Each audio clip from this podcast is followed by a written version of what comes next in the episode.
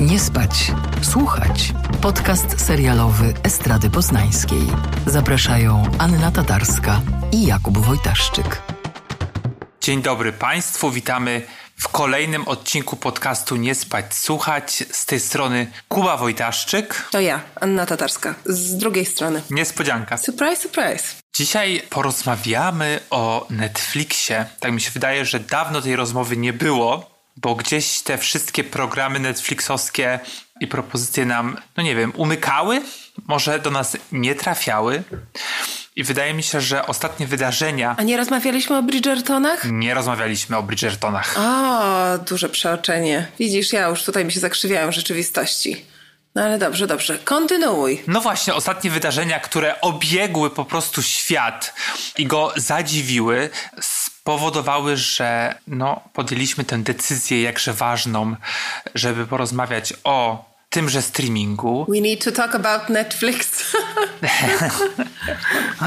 no właśnie, to jest ciekawe, że jak, jak pojawia się temat Netflixa, to jest taka trochę beka, mam wrażenie, że jednak nie do końca wszyscy e, ten streaming e, traktują do końca poważnie. Nie masz takiego wrażenia? Nie mam takiego wrażenia, ale słucham cię z zainteresowaniem. Bo tak właśnie mówisz, mówisz o tym tak, że ja się zaczynam zastanawiać, mówię, kurde, co ja przegapiłam, bo ja wiem, dlaczego my o tym mówimy, ale w twoich ustach muszę przyznać, że to brzmi po prostu cztery razy poważniej i pięć razy bardziej spektakularnie, niż mi się wydawało. No okej, okay. no to y, pozwól, że się, że się wytłumaczę, ale najpierw zrobię taki początek, no bo obecnie serwis Netflix na całym świecie ma ponad 200 milionów subskrybentów i subskrybentek, którzy co miesiąc płacą za, za usługę. To niby jest dużo, ale na początku tego roku Netflix pierwszy raz od 10 lat stracił swoich klientów, no i spadła ich liczba o 200 tysięcy. No i firma przyznaje, że w kolejnym kwartale zanotuje odpływ kolejnych dwóch milionów osób. No i jakby oczywiście nie pomaga tutaj sytuacja tego, że Netflix zniknął z rynku rosyjskiego. Na Ukrainie pewnie też ta usługa pewnie kuleje w tym momencie, ale to jakby nie, e, nie zmienia faktu, że coś się dzieje takiego, no że te osoby nie chcą płacić za ten streaming. No i jak o tym mówię, jak o tym czytam e, i słucham, to mam takie wrażenie, że wszyscy e, właśnie krytycy czy krytyczki trochę, troszeczkę tak mówią o tym z ulgą, że jest jakby takie, nie wiem, otium pogardy stosunku nałożone, y, nałożone na Netflix, że wiesz, że tutaj nie dostało Oscara żaden jego jeden film, że Apple, y, że Apple pokonał w tym roku y, Netflixa, że ciągle jest taki, że wszyscy chcą jakby utrzeć nosa te, te, temu streamingowi. Nawet teraz... Ja w ogóle, ja znowu w ogóle nie mam takiego wrażenia, ale mów dalej. No okej, okay, no to jakby w sensie, e, no to porozmawiajmy o tym, że jak myślisz, dlaczego tak się dzieje, że, że te osoby uciekają ze streamingu? No i co Netflix może z tym zrobić? Ja patrzę na to z takiej perspektywy, w której biorę pod uwagę cały kontekst w ogóle rozwoju streamingu i, i, i, wszystkich platform.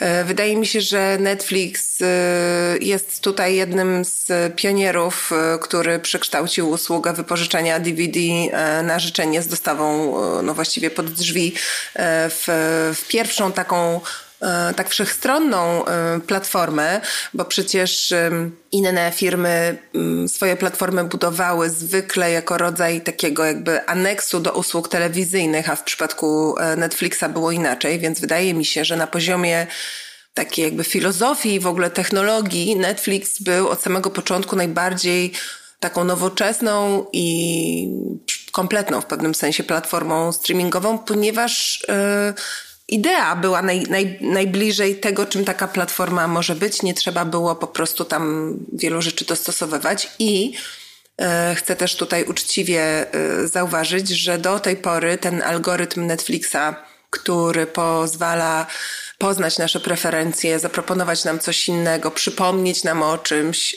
według mnie, a korzystam z większości, chociaż nie ze wszystkich platform, jest e, najlepszy. I na przykład możemy tutaj mówić o fajnych produkcjach Apple. Robiliśmy to ostatnio, natomiast dla mnie strona Apple'a jest po prostu koszmarna w obsłudze. Tam się nic nie da wyszukać i jak nie wiem, co chcę oglądać, to nie jestem w stanie z niej korzystać. Może jestem głupia, ale wydaje mi się, że jeśli ja mam problem z obsługą tej strony, to coś jest nie tak, bo jednak zajmuję się tym e, na co dzień.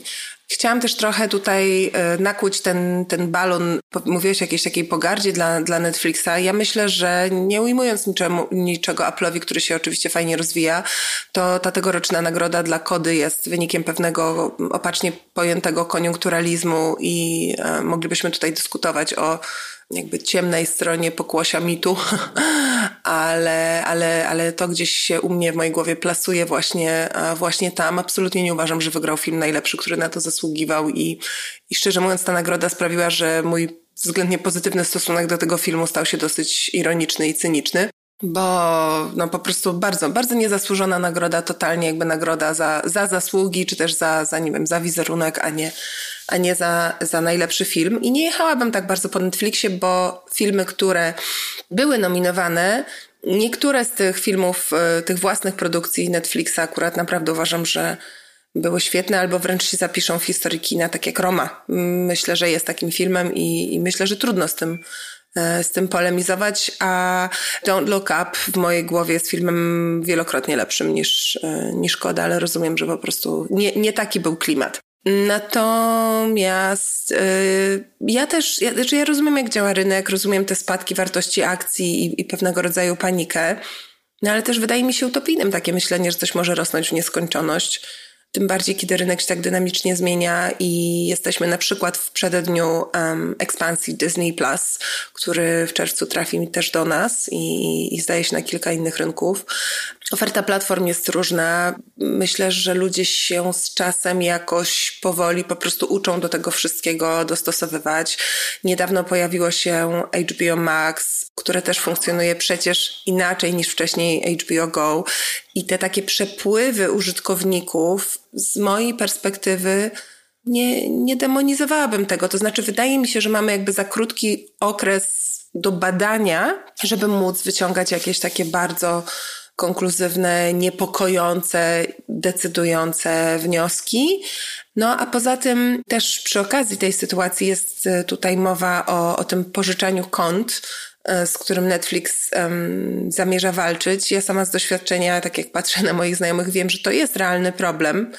No i to też jest coś, co wymaga uregulowania, bo czym innym jest, y, wiesz, zapłacić za konto, z którego może legalnie korzystać, nie wiem, tam cztery osoby chyba, a czym innym jest, no, jakby zostawiać swoje hasło, wiesz, w pięciu miejscach u wszystkich znajomych i nagle masz 30 osób, które, które korzystają. A ponieważ sytuacja ekonomiczna w Polsce, ale też przecież w innych krajach jednak nie jest jakaś taka super wesoła i jesteśmy w czasie szeroko pojętego kryzysu, także ekonomicznego, to ja rzeczywiście słyszę teraz takie rozmowy, których wcześniej nie było, że ludzie na przykład mówią, że to teraz na przykład rezygnuję z Netflix na dwa miesiące, bo sobie wezmę HBO Go i sobie tam, przepraszam, HBO Max i sobie tam wyoglądam, tak, a potem znowu wezmę coś tam, bo ich nie stać po prostu na to, żeby płacić po kilkadziesiąt złotych za kilka, y, czy też kilkanaście w przypadku niektórych osób platform naraz. No, my żyjemy w pewnej bańce, bo jako dziennikarze często, nie zawsze, ale często mamy dostęp bezpłatny, taki służbowy, że tak powiem, do tych, do tych platform.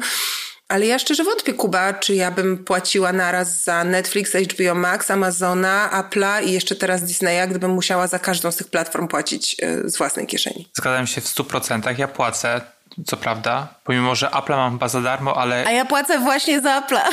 Jakoś to jest, ja mam tak jakoś tak dziwnie, że, że chyba Bartek płaci za część, to nieważne.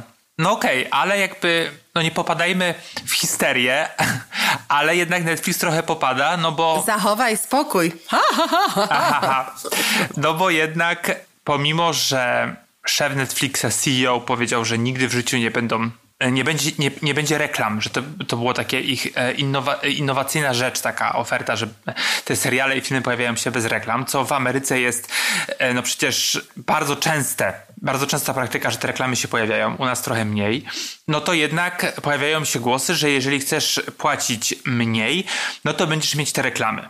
Oczywiście to się nie stanie na Netflixie, to się nie stanie oczywiście z dnia na dzień, no bo te seriale i filmy muszą stać jakby dostosowane do, do oferty reklamowej, czyli nie wiem, na przykład seriale muszą Pocięte mieć... jakoś, tak? Tak, cliffhangery i tak dalej, jak to kiedyś bywało, e, na Polsacie na przykład, u nas, no, ale tak, no jakby w sensie pojawiają się, pojawiają się reklamy, to jest jakby takie, wiesz, dla mnie no już zerwanie po prostu z takim, e, z taką obietnicą, z, taką, z, ta, z, takim czymś, co właśnie, tak jak powiedziałeś, zre, zrewolucjonizowało rynek serialowo-filmowy. Wiesz co, tak i nie. Yy, to znaczy ja oczywiście, gdybym musiała oglądać na przykład na platformie filmy z reklamami, to bym zrezygnowała całkiem z jej usług, bo mam to głęboko yy, gdzieś Y, nie cierpię reklam przerywających y, programy. Jest to jeden z wielu powodów, dla których w ogóle nie oglądam telewizji. Wszystko oglądam jakby zdalnie, właśnie mogąc sama zdecydować, w jaki sposób y, chcę coś oglądać i tę swoją wolność cenię. Z drugiej strony, bardzo wiele platform, w tym, nie wiem, Spotify, działa na tej zasadzie, że jeśli chcesz mieć komfort oglądania w wersji, powiedzmy, premium, pewne dodatkowe usługi, nie wiem, tak, możliwość na przykład, którą przecież Netflix daje, która jest super, tak, czyli coś możesz oglądać offline, um, na przykład sobie zapisać, nie wiem, i w samolocie, czy jak jedziesz w, w dzicz, w głusze, to możesz sobie obejrzeć, to musisz po prostu za to, za to dopłacić. I czy chciałabym, żeby było inaczej? No pewnie tak, ale z drugiej strony, no czego my oczekujemy? Tak działa rynek, więc jeśli, jeśli nie będzie to konieczność dla wszystkich użytkowników, a trudno mi sobie naprawdę wyobrazić, żeby oni się zdecydowali na taki krok, bo według mnie to byłby samobój. Tylko wariant, no to trochę nie widzę tutaj ani problemu, ani kontrowersji. No dobrze, no to jeszcze ostatnia kwestia, która no dla mnie jest chyba bardziej kluczowa niż te reklamy, niż te dzielenie kont. Dlaczego Netflix traci odbiorców i odbiorczynie? Mnie się wydaje trochę i jak czytałem i słuchałem różnych tam e, specjalistów i specjalistek, no to też myślą podobnie, że problemem jednak mimo wszystko mogą być na przykład wpuszczanie, wiesz, całych sezonów, e, co było takie innowacyjne. Jakby zaczęło się od House of Cards, no i jakby Netflix cały czas mm, to kontynuuje, że dostajemy w pewnym momencie w dniu premiery cały sezon. I po pierwsze to sprawia, że nie ma tej konwersacji albo ta konwersacja jest dużo mniejsza pomiędzy, wiesz, e, mm, oglądającymi dany serial, ponieważ każdy jest w innym momencie oglądania, jakby nie, nie można spoilerować do końca, no bo nie wiadomo gdzie jesteś i tak dalej. A jeżeli dostajemy odcinek co tydzień, jak sukcesywnie robi HBO, no to faktycznie możemy porozmawiać, nie? że tutaj proszę bardzo, w tym odcinku, no nie wiem, jakiegoś tam serialu wydarzyło się to i to no i co myślisz? Jakby jest ten taki, wiesz, suspens, jest takie niedopowiedzenie, możesz sobie dyskutować i to też pewnie fajniej działa, nie wiem, na przykład na, na podcasty, że możesz sobie e, robić takie rewatche poszczególnych odcinków i o tym rozmawiać. A je, jeżeli dostajemy, wiesz, cały sezon Russian Doll, no to trudno tę dyskusję, e, wiesz, do końca podjąć. No wiesz co, wydaje mi się, że ta strategia ma swoje plusy i, i minusy, bo zgadzam się z tym, y, co mówisz, a z drugiej strony wydaje mi się, że um, odbiorcy treści są dziś dość wybredni i można powiedzieć przyzwyczajeni do, do komfortu, że to oni decydują. I z punktu widzenia życia prowadzonego w, wiesz, w szybkim tempie, z pewnymi ograniczeniami, to, że ty możesz wybrać że na przykład, y, nie wiem, w czwartek to masz pół dnia i chcesz spędzić je oglądając po prostu odcinek po odcinku, binge'ując y, naraz wszystko, no to jest to pewien wybór, który wydaje mi się fajnie jest y, mieć. Ja ten dyskomfort, bo jednak chyba myślę o tym w pewnym sensie jako dyskomforcie z mojej perspektywy, tak? Mm, oglądania odcinek po odcinku co tydzień miewam rzadziej, no bo my, tak jak już mówiliśmy wielokrotnie, często dostajemy dostęp do do seriali, ale przecież nie do wszystkich.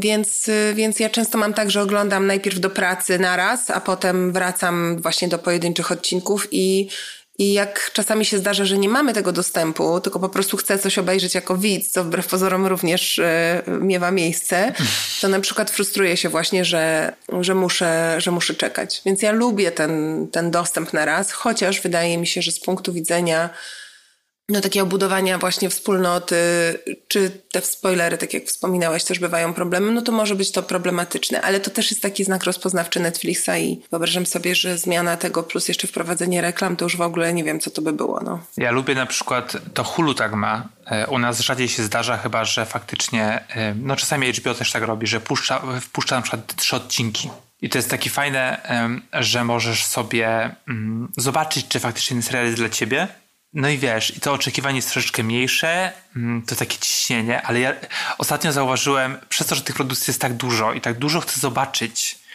że te tygodniowe odstępy fajnie mi robią, że ja mogę sobie ułożyć tydzień, wiesz, pod serial konkretny, że na przykład we wtorek oglądam to, nawet jeżeli premiera jest, wiesz, w, w piątek, to nie znaczy, że ja muszę to w piątek zobaczyć, tylko mogę poczekać do niedzieli na przykład.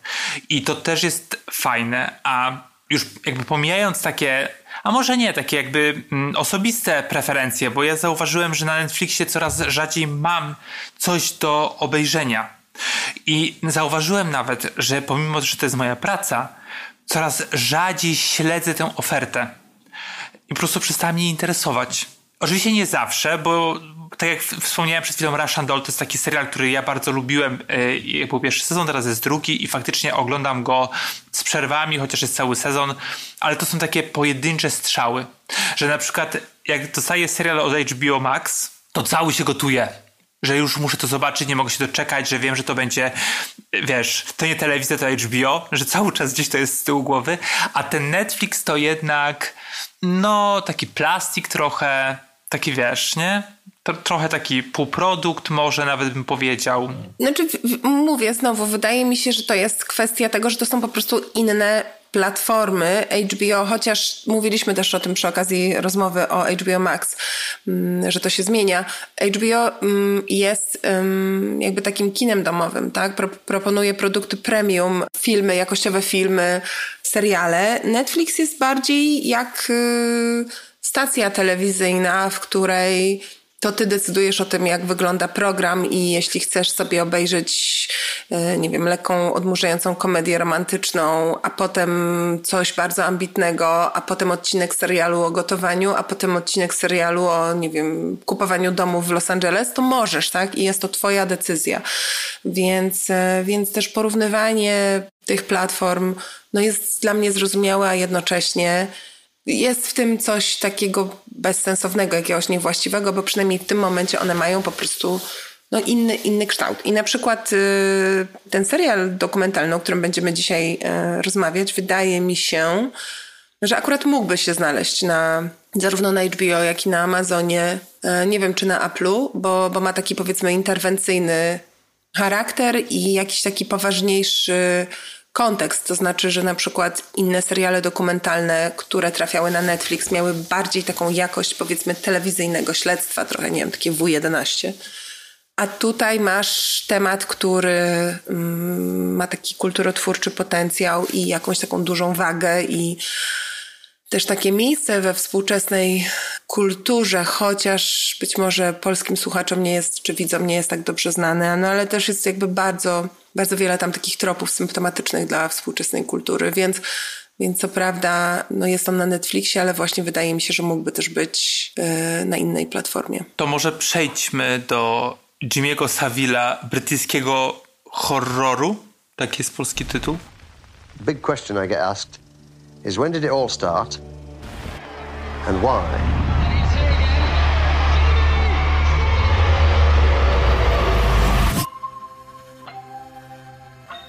I to ciekawe, co mówisz, bo ja mam zupełnie inne zdanie.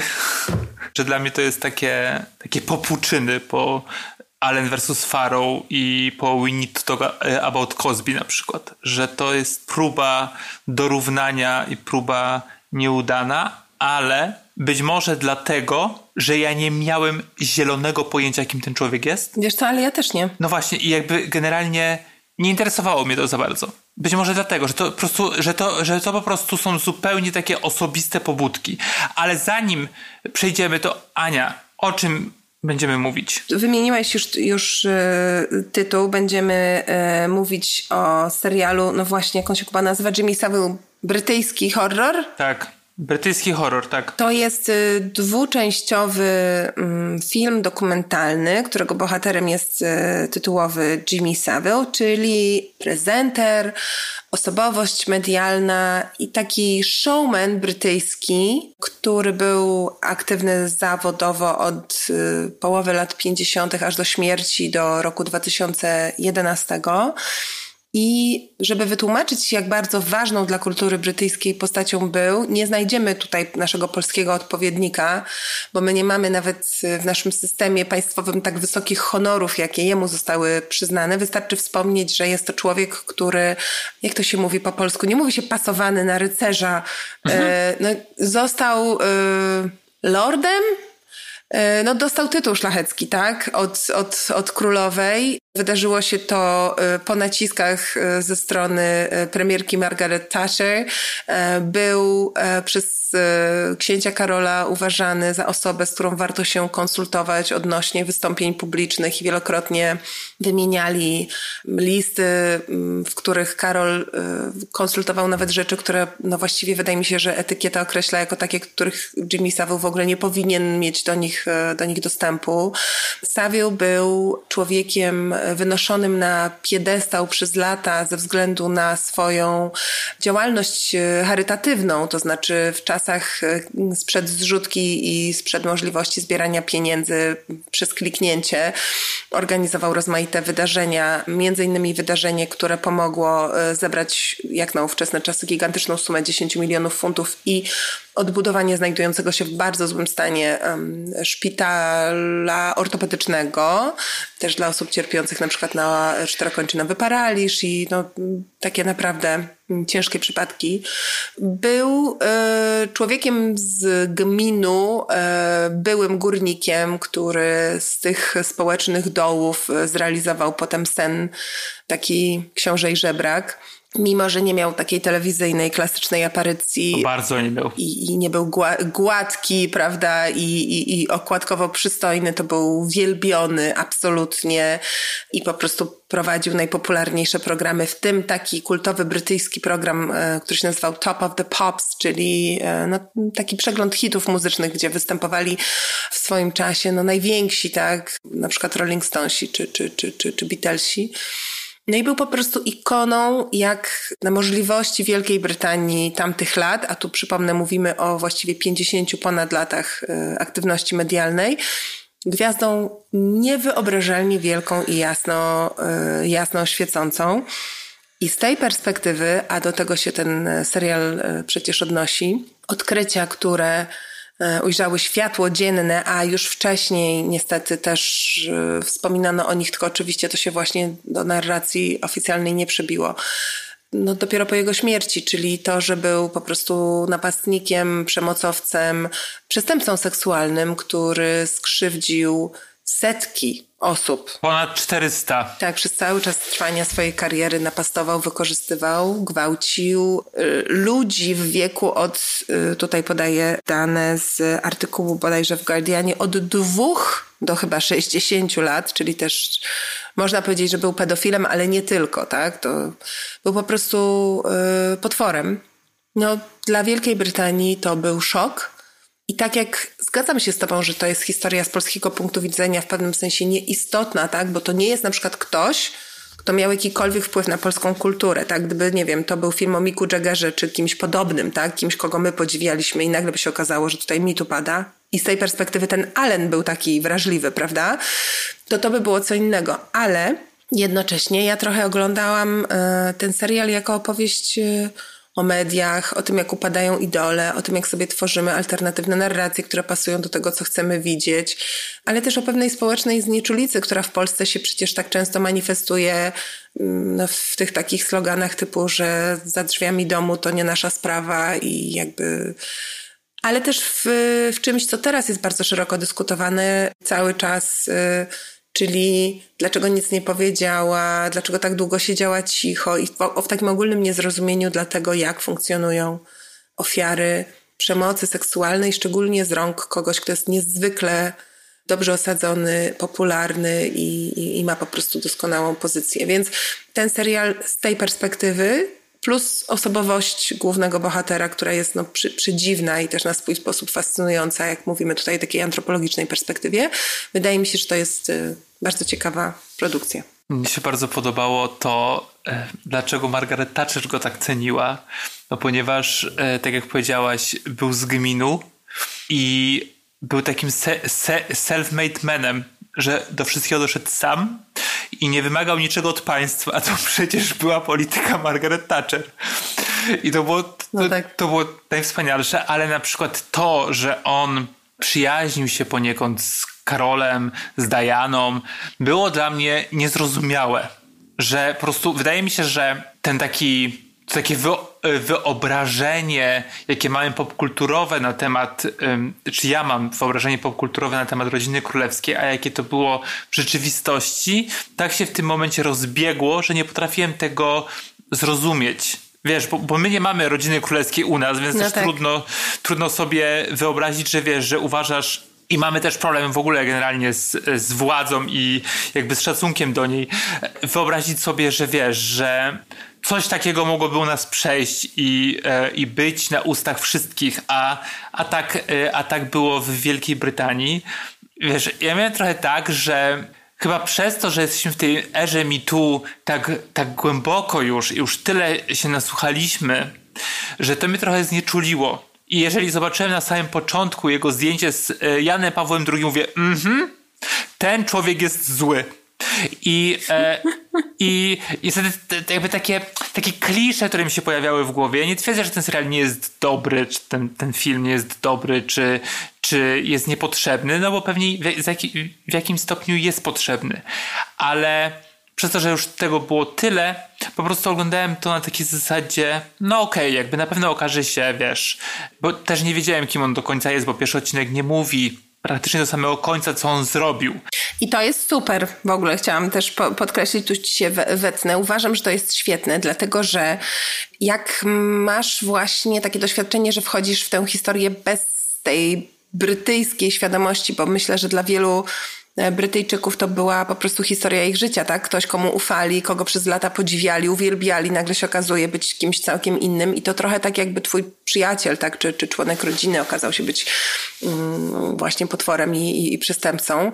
E, w Wielkiej Brytanii um, to, to wyjawienie mm, szczegółów jego wieloletniej przestępczej e, działalności było gigantycznym szokiem. No i ludzie naprawdę tak bardzo, bardzo mocno to przeżyli. No więc oczywiście tam e, ta premiera ma całkiem inny kontekst. Natomiast jak się to ogląda bez tego bagażu, to to jest bardzo ciekawe, bo ten serial, tak jak wspomniałeś, bardzo długo po prostu przedstawia y, jego historię.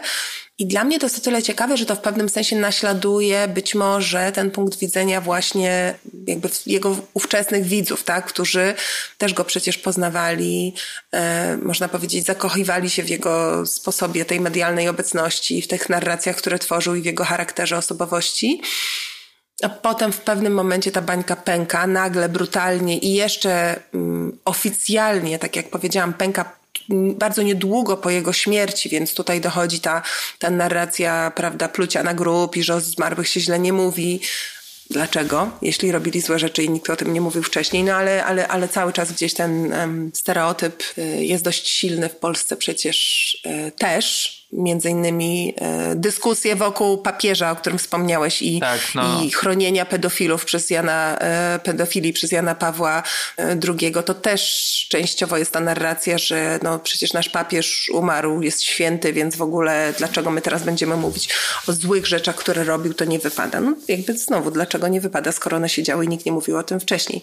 Więc mnie ta konstrukcja bardzo odpowiadała, bo ja co prawda wiedziałam, że on będzie zły, mhm. ale bardzo mi się to interesująco oglądało y, z tym takim bardzo długim wprowadzeniem, bo tak naprawdę te takie fakty, mm, już konkrety, wypowiedzi ofiar pojawiają się w ogóle dopiero w połowie drugiej części. I, I to jest super, bo to naśladuje ten szok w moim odczuciu. No właśnie, a ja miałem wręcz przeciwnie, bo po pierwsze tytuł ci mówi, brytyjski horror, że to jest coś złego. I takie marne cliffhangery typu pojawiała się co jakiś czas postać, która mówiła on robił tyle dobrego. i był takim dobrym człowiekiem, że jakby to wszystko sugeruje, no, że jednak nie był dobrym człowiekiem. Jakby to cały czas było takie... No, ale to w ogóle to jest ciekawe, bo ja to widzę totalnie inaczej, Kuba. To znaczy, ja uważam, że to, że on robił wiele dobrego, niestety, jest faktem. Nie możemy temu zaprzeczyć, tak? Mamy na to milion dowodów. Ten człowiek zbierał miliony y, funtów na działalność charytatywną, propagował wspieranie osób chorych, y, nie wiem, aktywizowanie młodzieży, edukację kulturalną, sport, bo dodajmy, że był przez większość życia bardzo wysportowany i, i słynął z tego, że robił na przykład jakieś biegi, nie wiem, przez całą Wielką Brytanię, żeby zebrać środki na coś, na coś. Przecież na tym w ogóle polega ten paradoks tutaj, który jest najbardziej fascynujący, że ludzie mówią to z takim niedowierzaniem, ale przecież on był dobrym człowiekiem, mamy na to dowody. Tak, ale mamy również dowody na to, że jednocześnie był potworem. I to jest to pytanie, jak ktoś może być naraz potworem i dobrym człowiekiem. To jest fascynujące. Mnie się najbardziej podobało w tym wszystkim e, takie właśnie to, co powiedziałaś na początku, takie właśnie medialne postrzeganie tego człowieka, pewnym momencie jedna z postaci, nie wiem, czy to jakiś chyba dziennikarz mówi, że on cały czas uprawiał grooming, wiesz, całego narodu. Mhm. I, i to było dla mnie ciekawe, że to takie medialne, medialne tego podejście, ale przez to, że my nie mamy takiej osoby w Polsce, który, która byłaby odpowiednikiem pod względem sławy tego Savila, trudno było mi sobie wyobrazić, że on był aż tak popularny, że można było tak zamydlić oczy wszystkim. I chyba wydaje mi się, że to dla mnie jest takie, że moja wyobraźnia, jaka jest, taka jest, nie sięga aż tak daleko, być może, że jak miałbym taki odpowiednik, że wiesz, by powiedzieli, nie wiem, Rudy, Ruby Schubert, czy jak on tam się nazywa, mógłbym zrobić takie, no wiesz co mi chodzi, że trudno było mi znaleźć odpowiednik i, i wyobrazić sobie, że dałbym się tak łatwo nabrać. Czy łatwo? No niełatwo, no ale jakby nabrać. No bo, znaczy on, on był miksem kilku postaci. Myślę, że mm, na przykład, Boże jak się nazywał, Bogusław Kaczyński? Tak. Trochę to, próbuję zebrać cechy, ale bardzo mi jest trudno to znaleźć, ponieważ Jimmy Savile był po prostu gwiazdą pop w Wielkiej Brytanii, a my w Polsce nie mieliśmy za bardzo popu, no. Więc, więc jakby trudno jest tutaj znaleźć... Yy znaleźć odpowiednik. No jakbyśmy sobie dzisiaj wyobrazili kogoś takiego jak, nie wiem, Tomasz Kamel, mówię o nim, bo on też prowadzi te programy dla dzieci, ale połączonego jednocześnie z mocą sprawczą, nie wiem, jakiegoś wysoko postanowionego polityka i z zasobnością portfela, nie wiem, Artura Boruca, ale ze statusem takim, jak ma na świecie David Beckham. No naprawdę, jakby wymyślam, ale, tak. ale po prostu skala jego sukcesu i, i taka wszechstronność tego sukcesu, zasięg tego sukcesu, ponad pokoleniowość i ponadklasowość tego sukcesu, to jest coś, co się w dzisiejszych czasach nie może już powtórzyć, bo też media są inne, tak? Też właśnie tutaj e, ten medialny kontekst jest dla mnie bardzo interesujący, bo, bo historia Savila to jest też historia ewolucji tych mediów, która pokazuje e, różne, różne ich etapy. No mnie to bardzo, bardzo zaciekawiło. I też na końcu ten smutny finish, czyli przecież reportaż na jego temat miał się okazać w BBC i dziennikarz BBC zbierał wypowiedzi. On był pierwszą osobą, której się udało, jeśli się nie mylę, nagrać ofiary Savila, które miały się tam w tym materiale wypowiadać, po czym no, ten reportaż został uwalony, mówiąc kolokwialnie, przez wydawców, którzy twierdzili, że tam brak jest jakichś dowodów, czy jakiegoś tam podwójnego potwierdzenia, czy czegoś, ale oczywiście pojawiły się komentarze, kiedy ten e, materiał został w zmienionej formie wyemitowany przez inną stację, że to było wszystko dlatego, że Savil pracował dla BBC przez lata i że niechybnie okaże się, że molestował również e, na terenie budynków należących do stacji podczas inicjatyw realizowanych ze stacją, co okazało się być prawdą, i że stacja usiłuje pokracznie chronić siebie i swoją reputację, nie puszczając tego materiału, kwestionując jego wiarygodność, a w istocie po prostu usiłując uniknąć e, odpowiedzialności, więc e, bardzo dużo jest tam takich wydarzeń, które łatwo jest odnieść do mechanizmów, które nas, nas jakoś jednak dotyczą, ale dla mnie chyba najciekawsza płaszczyzna Kuba to jest, jakby to ująć, z jednej strony to jest ta zmiana, zmiana jakby medialnego sposobu rozmawiania, e, bo tam mamy na przykład właśnie wywiady z nim z kilku lat i, i e, znaczy z kilkudziesięciu lat, przepraszam, zebrane. I też niesamowite jest obserwować na przykład jak e, wysoki był i naturalny, przezroczysty poziom szowinizmu, seksizmu w mediach. Tak, to całowanie ty, ty, tych dziewczyn na wizji wszędzie. Rzeczy, które, dokładnie rzeczy, które w ogóle z dzisiejszej perspektywy wydaje mi się, że nawet dla kogoś, kto nie jest jakimś wojującym feministą, wydają się po prostu zwyczajnie obrzydliwe, tak? Przecież ten Savile całujący w usta. Kelly Minogue na przykład. Jakieś swoje gościnie, czy, ale też takie dziewczyny z y, widowni i to po prostu takie ha, ha, ha, hi, hi, tutaj znany pan mnie pocałował, o wow, nie?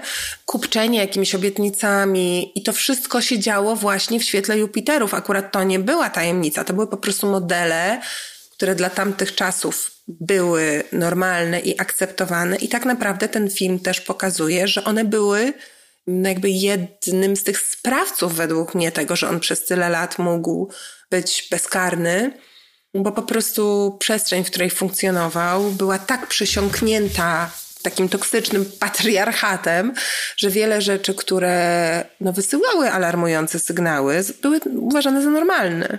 Więc w pewnym sensie ten dokument jest też dowodem na to, że bardzo dobrze, że E, świat, w którym żyjemy, się zmienia pod tym względem, bo, bo ta zmiana jest po prostu niesamowicie potrzebna. To też ciekawe jest to, co mówisz. Tak sobie teraz pomyślałem, że jak oglądasz ten serial i masz w pamięci te wszystkie rzeczy, które już wyszły po, po mitu, czy właśnie o molestowaniu, czy o pedofilii i tak dalej, no to właśnie wszędzie widać podobny, takie okruszki że, z których możesz złożyć po prostu cały obraz. Że wiesz, że jak stary dziad jest za blisko z dziećmi, no to coś musi być nie tak. Dzień dobry, Michael, Michael Jackson. Nie? Że jeżeli, wiesz, za dużo, za, ma za bliski kontakt ze swoją matką i to jest takie jakieś ultratoksyczne, no też nie za bardzo. Jakby to, że na wizji całuje kobiety, o czym powiedziałaś, no, no to to już dzisiejsze perspektywy po prostu razi, wiesz, na kilometr. I jest tego sporo, no i tak samo wiesz, że przyjaźni się z władzą, to władza go chroni, czy tam wie, czy nie wie, ale jakby też za dużo nie powie, no to też jest, wiesz, no nie za bardzo czy to też do tego obrazka pasuje wszystko. I, i wydaje mi się, że z punktu widzenia odbiorców i odbiorczyń, no to w pewnym momencie e, już może wiesz, trochę jednak nudzić, bo widzisz podobny obraz po raz X, pomimo, że to jest ważne, istotne, ale no jednak mówimy o czymś, co jest wytworem popkultury. Nie zgadzam się z tobą znowu, bo uważam, że jedyny sposób, żeby mówić o tym tak, żeby ludzie chcieli słuchać, to jest właśnie poprzez znajdowanie jakichś atrakcyjnych historii, bo inaczej, no, jako dziennikarz pewnie znasz tą narrację, że proponujesz coś, co wiesz, że jest ważne, a ktoś mówi, ojej, już się ten temat zgrał, tak? I ten temat się zgrywa. Teraz, przepraszam, że to mówię, zgrywa się też temat wojny w Ukrainie, tak?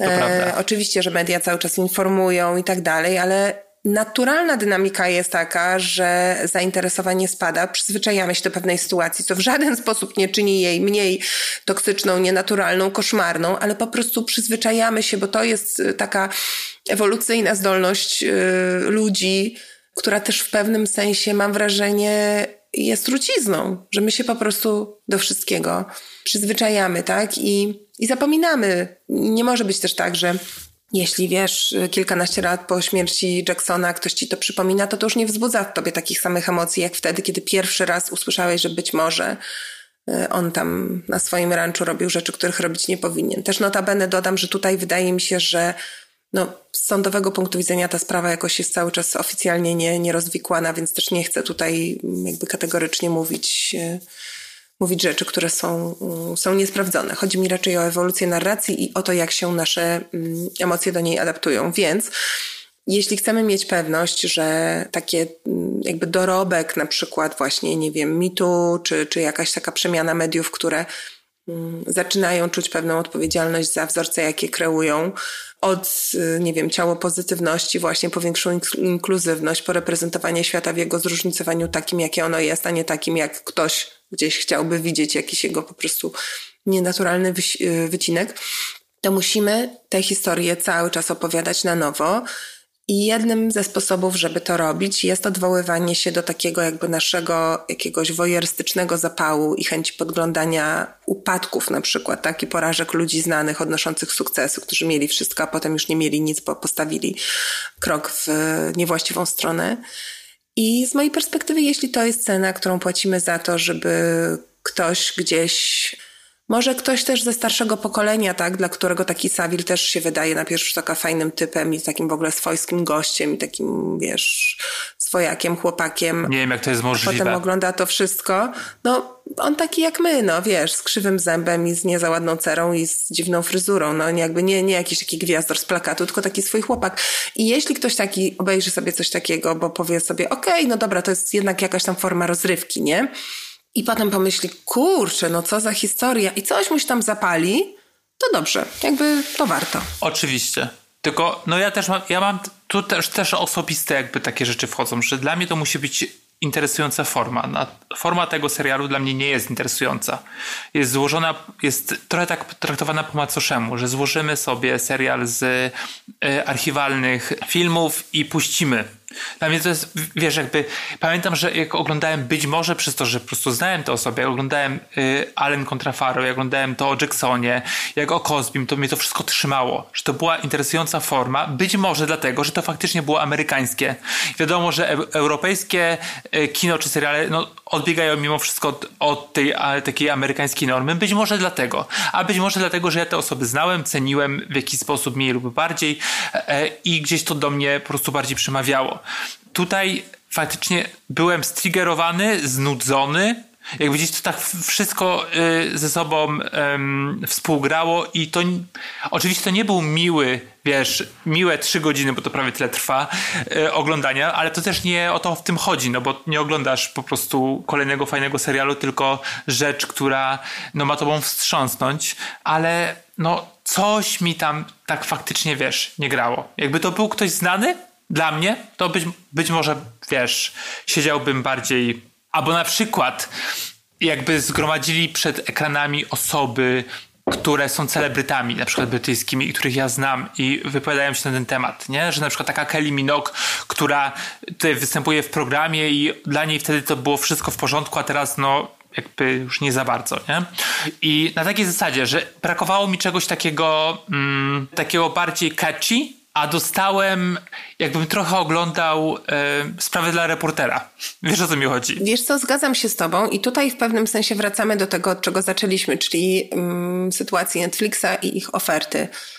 Mówię to jakby bez nacechowania, bo dla mnie to nie jest nacechowane negatywnie, ale faktem jest, że na Netflixie jest bardzo dużo programów takich w stylu reality TV, czy takiego kontentu, który wcześniej właśnie nam się kojarzył um, bardziej z, nie wiem, ze sprawą dla reportera, a nie z e, ambitnym kinem. I one mają taką funkcję bardziej użytkową. Ja jestem jakby usatysfakcjonowana formą tego dwuczęściowego e, serialu, ale jest on absolutnie jak najdalszy od produktów, które potem na przykład wygrywają nagrody na festiwalach, tak? Czy takich dokumentów powiedzmy bardziej, e, bardziej artystycznych. To jest treść użytkowa, która w swojej kategorii broni się i sprawdza się dobrze i akurat na marginesie ja jestem zadowolona, że tam się nie wypowiadają żadne, żadne gwiazdy i że oddano głos jak już oddano głos, to głos ludziom, z którymi on rzeczywiście miał styczność taką głębszą yy, i też ofiarom przede wszystkim, tak, że tam się wypowiadają ofiary, które się przed kamerą też otwierają i jakoś możemy śledzić to, chociaż to oczywiście się dzieje po latach od tych pierwszych rozmów, no ten proces taki jakby mm, też zbierania pewnej odwagi do tego, żeby mówić głośno o tym, co, mm, co je spotkało. I taką bardzo też ciekawą postacią, jest jego biografka, co jest też w ogóle ironiczne, bo przecież ta biografia zdaje się wyszła mm, niedługo przed tym, jak, jak te zarzuty się gdzieś zaczęły sypać um, i, i, i sprawa, jakby grunt zaczął uciekać spod nóg. Ona jest taką postacią tragiczną tutaj, bo to jest ktoś, kto mówi otwarcie o tym, że oni się zaprzyjaźnili, tak, że może to była jakaś taka specyficzna przyjaźń, bo on też w ogóle był specyficznym człowiekiem. Zresztą wydaje mi się, że z serialu wynika dość jasno, że on musiał być jakiegoś rodzaju socjopatą, tak, że na pewno miał mm, no, jakiś rodzaj po prostu jakiejś psychicznej dysfunkcji, której nie będę określać, bo nie jestem specjalistką, ale czy może w ogóle psychopatą właściwie, tak, no bo jakby prowadził podwójne, czy też wielowarstwowe w ogóle życie, wiele równoległych żyć i, i wszystkie prowadził równie pełnie i skutecznie, można powiedzieć. No i ona mówi o tym, że że ta przyjaźń między nimi była, była prawdziwa. To nie jest jakaś, wiesz, wariatka, fanka, która żyje złudzeniami, tylko ktoś, kto przecież spędził z nim masę czasu, poznał wiele osób wokół niego, tak? I tam się pojawia też przecież jego producent, który przez lata ten program produkował i oczywiście możemy mu znowu wierzyć albo nie. I, i, I, widać też w rozmowie prowadzonej z tym producentem już właśnie po śmierci Savila i po ujawnieniu tych oskarżeń, że też prowadząca pewnego programu, która z nim rozmawia, też próbuje go o to zapytać, czyli że sugeruje, że on pewnie wiedział, tak, że on pewnie wiedział, że coś krył, no, że to jest niemożliwe po prostu, żeby on nie wiedział, ale wychodzi na to, że bardzo wiele osób z jego bliskiego mm, otoczenia twierdzi, że naprawdę nie wiedziało, tak? I jakby teraz są po dobrej stronie i są w szoku i, i raczej wszystkie w ogóle wyglądają na takie zrezygnowane i rozczarowane sobą, tak? Że jak to się stało, żeśmy tego nie zauważyli. Ale ja trochę im wierzę, że oni tego nie zauważyli i to jest jeszcze bardziej przerażające dla mnie, niż gdyby oni to wiedzieli i to ukrywali. Bo wtedy byliby po prostu dupkami. A tak to znaczy, że, że to jest coś, czego możesz nie zauważyć. I to jest przerażające. To, to też jest ciekawe, czy on wiedział, że robi źle. No tego się nigdy nie dowiemy, prawda?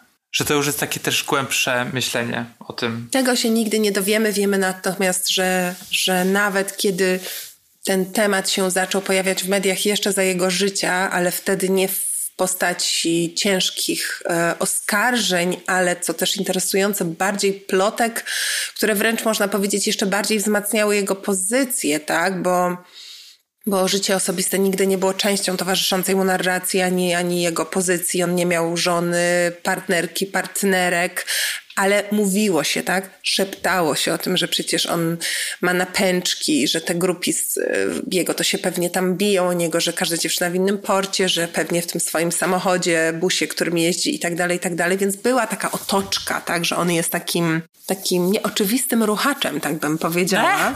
To jest to dość obrzydliwe, to jest obrzydliwe, ale i zobacz, i i jak się zaczynają, zaczyna się pojawiać ten temat, że on lubi młode dziewczyny, tak? Kiedy teraz wiemy, że chodziło o wychowanki w ogóle takiego jakby poprawczaka, czy czegoś dziewczyny, które miały po 12 czy 13 lat, ale że, że jakby wtedy to było nawet w pewnym sensie cool, tak? Że jakaś tam jedna dziennikarka chciała go dopytać o to, on ją po prostu zbył i, i to raczej ona miała potem problemy, bo przecież starszy facet, młodsze dziewczyny, facet popularny z kasą, co z tego, że brzydki, ale to jakby klasyk, no. popularny z kasą. No klasyk, klasyk. Przez lata to był klasyk. To prawda. I to nie tylko w, Wielkiej Brytanii, to wszędzie tak było. Po prostu oglądamy te, teraz te wszystkie seriale i filmy.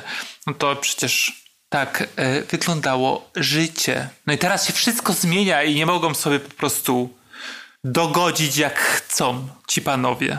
Ja jeszcze ci powiem na koniec, że myślę sobie, że to, co jest w tej produkcji dobre, to jest to, że jej w pewnym sensie nie towarzyszy taka otoczka, jak towarzyszyła na przykład właśnie Allen Contra Farrow. Allen Farrow było filmem zrobionym przez um, Ronana Farrowa. Było wiadomo, że on jest osobą, jakby, że po pierwsze, że jest, wiesz, dziennikarzem, więc osobą w pewnym sensie taką intelektualnie rozwiniętą i jakoś tam wysublimowaną. Po drugie, wiedzieliśmy, jaki ma punkt widzenia, bo reprezentuje przecież, wiadomo, narrację mm, matki. Więc w pewnym sensie mam wrażenie, że to był taki film, y, nie odejmując mu niczego, bo był też świetnie zrealizowany i artystycznie dość satysfakcjonujący, który był, jak to się mówi, głoszeniem słowa do już przekonanych, tak? Jakby jak to się mówi, preaching to the converted. No jakby mówisz do ludzi, którzy i tak by przyszli do kościoła i nieważne co im powiesz, to oni tam przyjdą, tak? Ale prze przerwę ci, bo właśnie o to chodzi, że miałem kilka osób, którzy w tej kłótni jakby, w sensie to, w tym sporze byli po stronie y, Alena hmm? i po obejrzeniu, po moich namowach zobaczcie i powiecie, co sądzicie, zmienili zdanie. W sensie, no wiadomo, że my do końca nie będziemy nigdy znali prawdy, że możemy się tylko jako ci odbiorcy, odbiorczynie ustawić po jednej ze stron, ale mimo wszystko oni wiesz, gdzieś y, nastąpił ten taki switch. Nie, jasne, no oczywiście, że to się może zdarzyć. Mi chodzi tylko o to, że paradoksalnie, chociaż tutaj mówię, mamy mniej znanego bohatera i mniej artystycznie rozwinięty produkt, to to, że to jest takie przystępnie zrealizowane i jakby konwencjonalnie zrealizowane może być w pewnym sensie plusem tej produkcji, bo być może trafi to do grupy, która statystycznie jest mniej zorientowana, mniej zainteresowana, a może nawet przeciwna tej samej jakby idei wykopywania dawnych grzechów mężczyzn trzymających władzę, czy też osób trzymających władzę, no ale w większości mężczyzn, no bo ten establishment i jakby był głównie męski. Tak, no i przez to, że to jest na Netflixie, tak jak powiedziałaś, że to jest taki telewizja. No co prawda 200 tysięcy mniej osób ma szansę to zobaczyć, a być może zaraz 2 miliony mniej, ale myślę, że 198 milionów to jest wciąż całkiem dużo.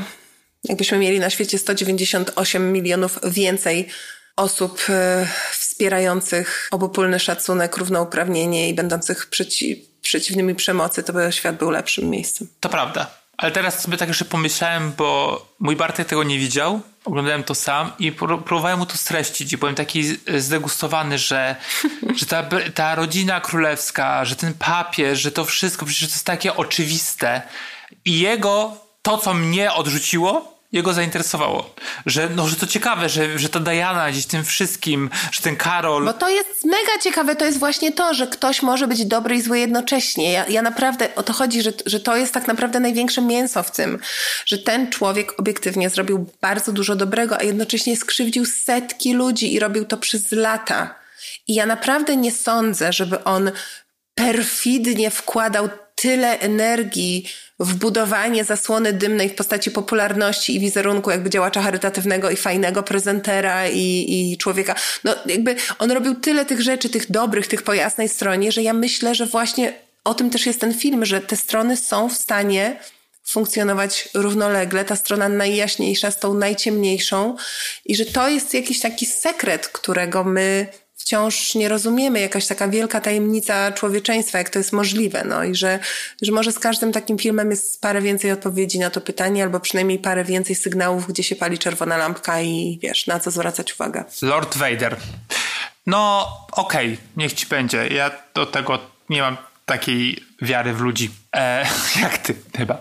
No dobrze, to by było na tyle. Znowu trudny temat. My jesteśmy trudne sprawy, tylko w wersji audio. No nie no, w, ta, w tamtym tygodniu o czym rozmawialiśmy? O Tokyo Vice? Tokyo Vice to mhm. No to nie były aż tak trudne sprawy, no. No tak, ale dostaję, dostaję takie głosy, że to jeden z naszych najlepszych odcinków był. Naprawdę, widzisz, a do mnie nikt nie pisze. Dostałam tylko ostatnio pytanie... Yy jakie studia skończyłam. A najciekawsze jest to, że zawsze jak dostaję tego typu wiadomości, to mam tak, kurde, pewnie ktoś uważa, że jestem głupia i musi mnie zapytać, czy mam dyplom. tak jakby to o czymkolwiek świadczył. Tak. Ale to myślę, że świadczy bardziej tylko o mnie. Ja, Aniu, nie uważam, że jesteś głupia, wręcz przeciwnie. Mm. Dziękuję ci bardzo za tęże pouczającą dyskusję. No cieszę się, bo teraz możemy już zapomnieć o tym człowieku. Mam wrażenie, że właśnie jakby po to oglądasz to, żeby pomyśleć sobie, że już nigdy więcej o nim nie pomyślę. To prawda. Chciałbym bardzo zapomnieć o tym serialu. Tak, on zasługuje na wieczne milczenie. Striggerował mnie bardzo. E, dobrze, za tydzień będziemy mówić o czymś przyjemniejszym. Już się nie mogę doczekać. Na pewno. Także e, do usłyszenia, do zobaczenia. Dziękuję Ci bardzo. Adios, e, papa. Pa, pa. Nie spać, słuchać. Producentem podcastu jest Estrada Poznańska. Wszystkie odcinki znajdziesz na estradapoznań.pl.